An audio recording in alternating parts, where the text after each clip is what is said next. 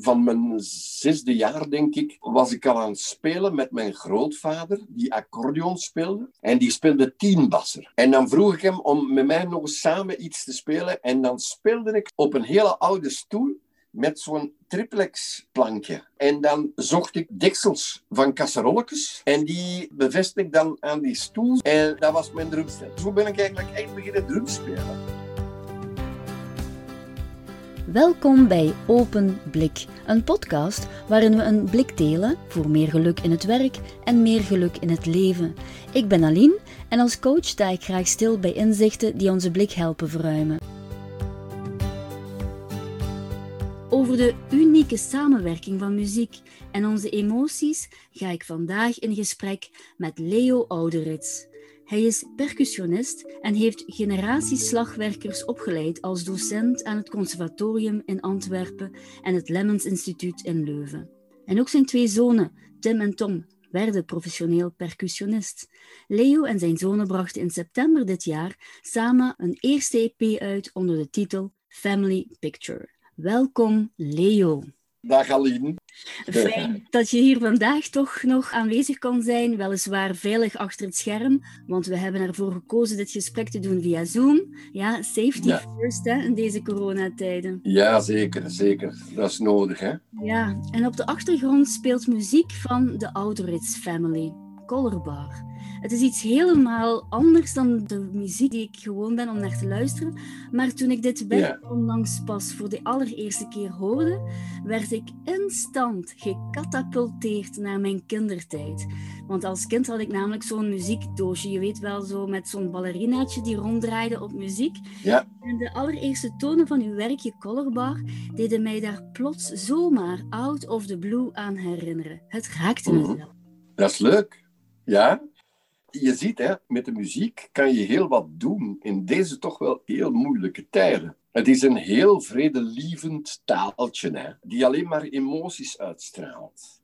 Zonder te kwetsen. Woorden kunnen ons soms enorm kwetsen, kunnen moeilijk overkomen. Daar, daar ga je over wakker liggen. Maar muziek, absoluut niet. Brengt alleen emoties. En meestal de mooie en goede emoties. De huidige situatie is al moeilijk genoeg.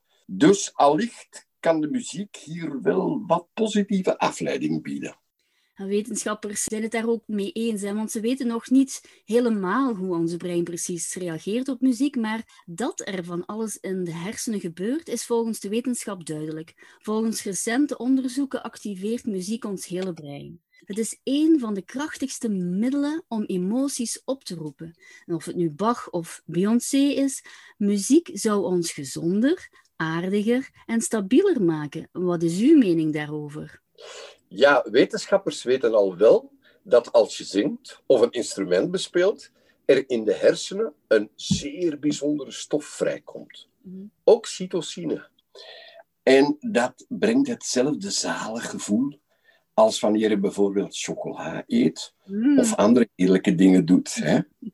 Ik ben er zelf van overtuigd dat je als goede muziekgenieter ditzelfde gevoel kan krijgen door gewoon te luisteren naar je eigen lievelingsmuziekjes. Mm Ja, ik las onlangs nog een wetenschappelijk artikel. En daar stond zelfs in dat als er je zo een liedje in je hoofd afspeelt, onze hersenen geactiveerd worden op een vergelijkbare manier als bij het daadwerkelijk horen van een liedje. We kunnen onszelf dus door muziek in een bepaalde stemming brengen, Muziek kan ons dan ontroeren, blij maken, verdrietig, actief of juist heel rustig. Hoe komt dit eigenlijk volgens u? Ja, ik denk dat het heel belangrijk is dat je een juiste muziekkeuze ook maakt voor jezelf. Hè? En wat is dan uh, eigenlijk die juiste muziekkeuze? Ja, als je heel verdrietig of heel veel verdriet hebt over iets, dan kan je soms wat blijere muziek, vrolijke muziek kiezen mhm. om naar te luisteren. Tenzij je dan toch op dat moment nog meer behoefte hebt aan meer rustige, serenere muziek. Dat mhm. is bij iedereen ook een tikkeltje anders. Maar het is zeer belangrijk dat je eigen behoeften hierin kunt leren kennen. Belangrijk is ook om eens naar andere genres te luisteren. Mhm. Dat is ook heel belangrijk. Bijvoorbeeld, wanneer je nog nooit een symfonisch orkest live gehoord hebt, en er zijn heel wat mensen die nog nooit zo'n orkest gehoord hebben, dan is het toch aan te raden om eens te proberen naar een concert te gaan waar je zo een groot symfonisch orkest kan horen. Natuurlijk, alle stijlen zijn heel mooi, maar ik denk dat je vooral moet kijken naar datgene wat je zelf echt graag wil horen, waar je zelf je toe aangetrokken voelt, en dan langs de andere kant toch ook bereid zijn om andere muziekjes te beluisteren. Dus aan te raden om naar andere muziekjes te luisteren dan wat je normaal gewoon bent om naar te luisteren. Ja, precies. En bij het horen van bepaalde muziek, dan krijg ik ook zo vaak instant de neiging om mee te bewegen. Er zijn zo echt van die nummers waarop ik mezelf moet gaan inhouden om niet spontaan te gaan dansen. Uit onderzoek blijkt dan dat bewegen op muziek zoals wij dat doen uniek is voor de mens. Nochtans kennen we allemaal die filmpjes van de papegaai die meebeweegt op muziek van de Backstreet Boys of die zeeleeuw die danst op het nummer van Boogie Wonderland. Maar uh, volgens wetenschappers kunnen de dieren dat alleen maar omdat het is aangeleerd of wordt aangemoedigd door mensen. Wat is volgens u de reden dat wij mensen als vanzelf gaan bewegen als we muziek horen? Ja, ik denk dat vooral het ritme aanzet tot bewegen. Het ritme in de muziek is toch heel belangrijk. De bewegingen die je maakt, ja, dat hangt ook weer samen met je karakteriële gedachten. Hè? Je doet iets dikwijls zonder dat je hierover nadenkt. Maar het is natuurlijk wel zo dat het ook aangeleerd kan worden. We zijn ook wel beïnvloed door de hedendaagse dansbewegingstrend. Hm? Mhm. Dat is ook wel iets waar we allemaal rekening moeten mee houden. Maar dikwijls is het nog plezieriger om vrij te kunnen bewegen en ons helemaal te kunnen losgooien. Voor alle duidelijkheid, er bestaan zeker geen volslagen amuzikale mensen. Bij diegenen die dat lijken te zijn, zijn allicht de muzikale gevoelens nog niet helemaal ontwaakt. Of zijn die misschien door negatieve omstandigheden geremd. Ja, ja. Klankdoofheid bestaat natuurlijk wel, maar is uiterst zeldzaam. In ieder geval is het ritme ontzettend belangrijk. Ja, maar je moet dan wel in het juiste ritme bewegen. En, en als je dat dan niet kan. Ja. ja, het zijn dingen die je moet bevrijden, hè? die wat gevangen zitten dikwijls in je hersenen. En die moeten bevrijd worden. Zo zie ik het een beetje. Ah, op die manier. Ja. U heeft waarschijnlijk reeds gehoord ook uh, over dat Amerikaans onderzoek waar ze kinderen die muziekles krijgen van hun zesde tot negende. Deze kinderen blijken over de hele linie beter te presteren door te musiceren. Bij het luisteren naar muziek zijn blijkbaar heel wat breingebieden tegelijkertijd actief, maar bij het spelen ervan nog meer. Dus muziek maken is nog verrijkender voor de hersenen dan muziek luisteren. Ja, en daar weet u als componist waarschijnlijk alles van. Ja, alles is veel. Maar ja, ik denk dat dit inderdaad een bewijs is dat ons brein tijdens het spelen of zingen van muziek in zijn totaliteit aan het werk moet. Mm. Dit blijkt trouwens ook heel gezond te zijn voor lichaam en geest. Het brengt ons in een soort van trance, alsof we alles eens goed moeten losgooien misschien wel. En dan genieten natuurlijk ook. Hè? Ik zou zeggen, nu met z'n allen noten leren volgen of en een instrument leren bespelen. Hier is het nooit te laat voor. ja? Sommige onderzoekers vermoeden dat onze taalloze voorlopers, de Neandertalers, al een elementaire vorm van muziek beoefenden, omdat die overlevingswaarde had. Het zou kunnen verklaren waarom onze primitiefste, diepst gelegen hersengebieden er zo actief van worden. Breinwetenschapper Erik Scherder en auteur van het boek Singing in the Brain, dat ik trouwens een fantastisch boek vind, heeft nog een andere theorie. Hij zegt: muziek helpt ons ook te overleven omdat het groepsvorming stimuleert. Het zou ons verbinden. Ik denk dat Erik Scherder hier zeker een punt heeft. Bijvoorbeeld in een fanfare harmonie of een ander orkest spelen of in een koor zingen, mhm. laat iedereen toe om op zijn manier een steentje bij te dragen van het brengen of voor het brengen van een heel mooi klankrijk muziekwerk. Het is het beste bewijs hoe sterk we samen kunnen zijn. Hè? Je brengt je steentje bij, iedereen brengt zijn eigen steentje bij en plots krijg je een prachtig gebouw. Een muzikaal gebouw, als het ware. Ah, dat is mooi gezegd. Ja, we weten zelfs dat bij bepaalde zogenaamde onderontwikkelde volkeren, want daar moeten we heel goed mee opletten met dat te durven zeggen, gedichten werden gespeeld op tamtamtrommels. Mhm. Het was een soort van morscode taal die zij toen al beoefenden. Mhm. Heel gek. Hè? Maar het gaat veel verder als dat we dikwijls zouden denken. Hè? Instrumenten zijn gebruikt voor allerlei doeleinden. We weten dat de trommels gebruikt werden en de trompetters zelfs om ten oorlog te trekken, vooral de trommels. Maar ook om signalen te geven.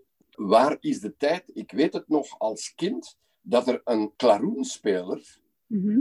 op zijn klaroen een bepaald werkje kwam spelen wanneer de pompiers moesten gaan blussen. Men had enkele klaroenspelers die speelden dat... Hè, Zoiets, zoiets heel raar zo. En dan wisten de pompiers dat ze naar, het, naar hun kazerne moesten, want dat er ergens een brand was. Mhm. Dus dat weet ik nog van in mijn jonge tijd. Dat is al lang geleden. Hè?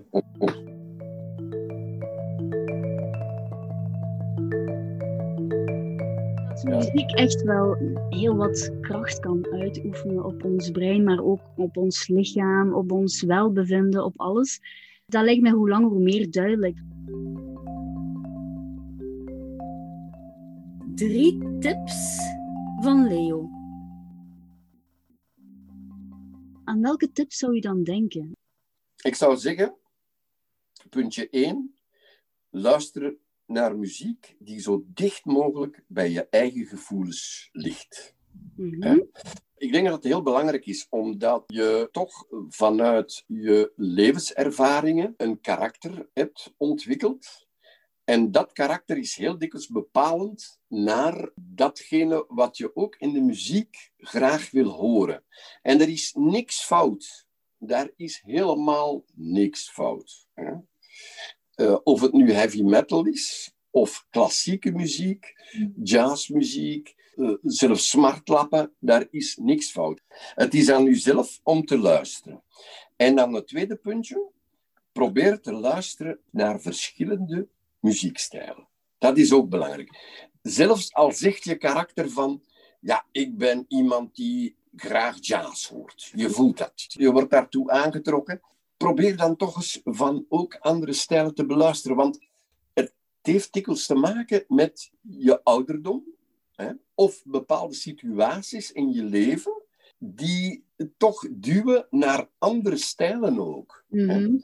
En dan veel plezier hebben eraan. Hè? Al dansend, al rijdend in de auto, lang uit in de zetel liggend, wandelend, lopend.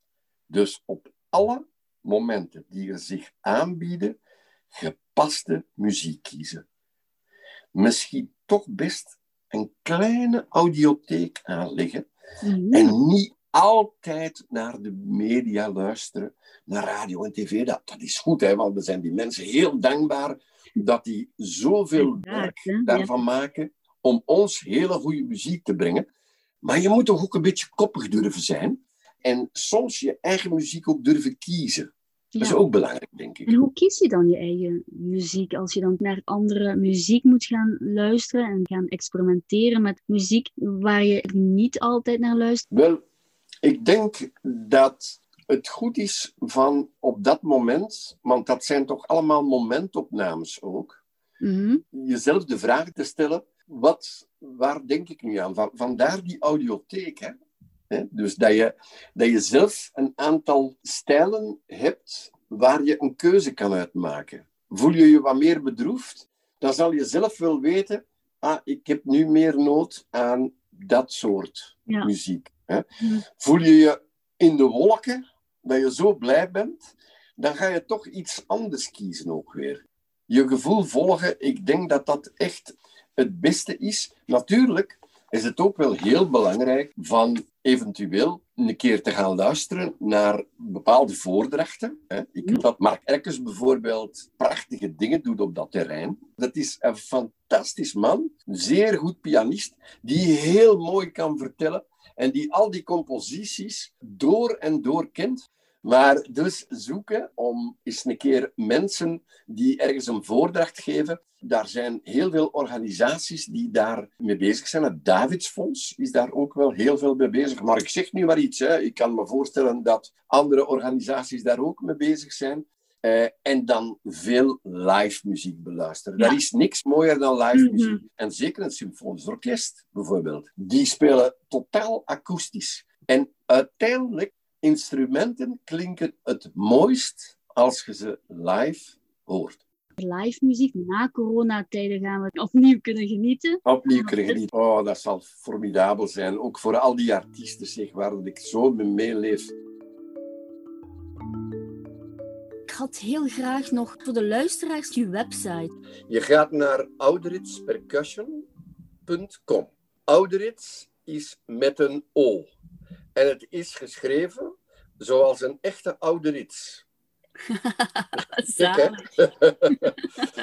en uh, daarachter gewoon percussion, dat is E P-E-R-C-U-S-S-I-O-N. Oké. Ouderitspercussion.com. Super. Dat is een hele mooie afsluiting.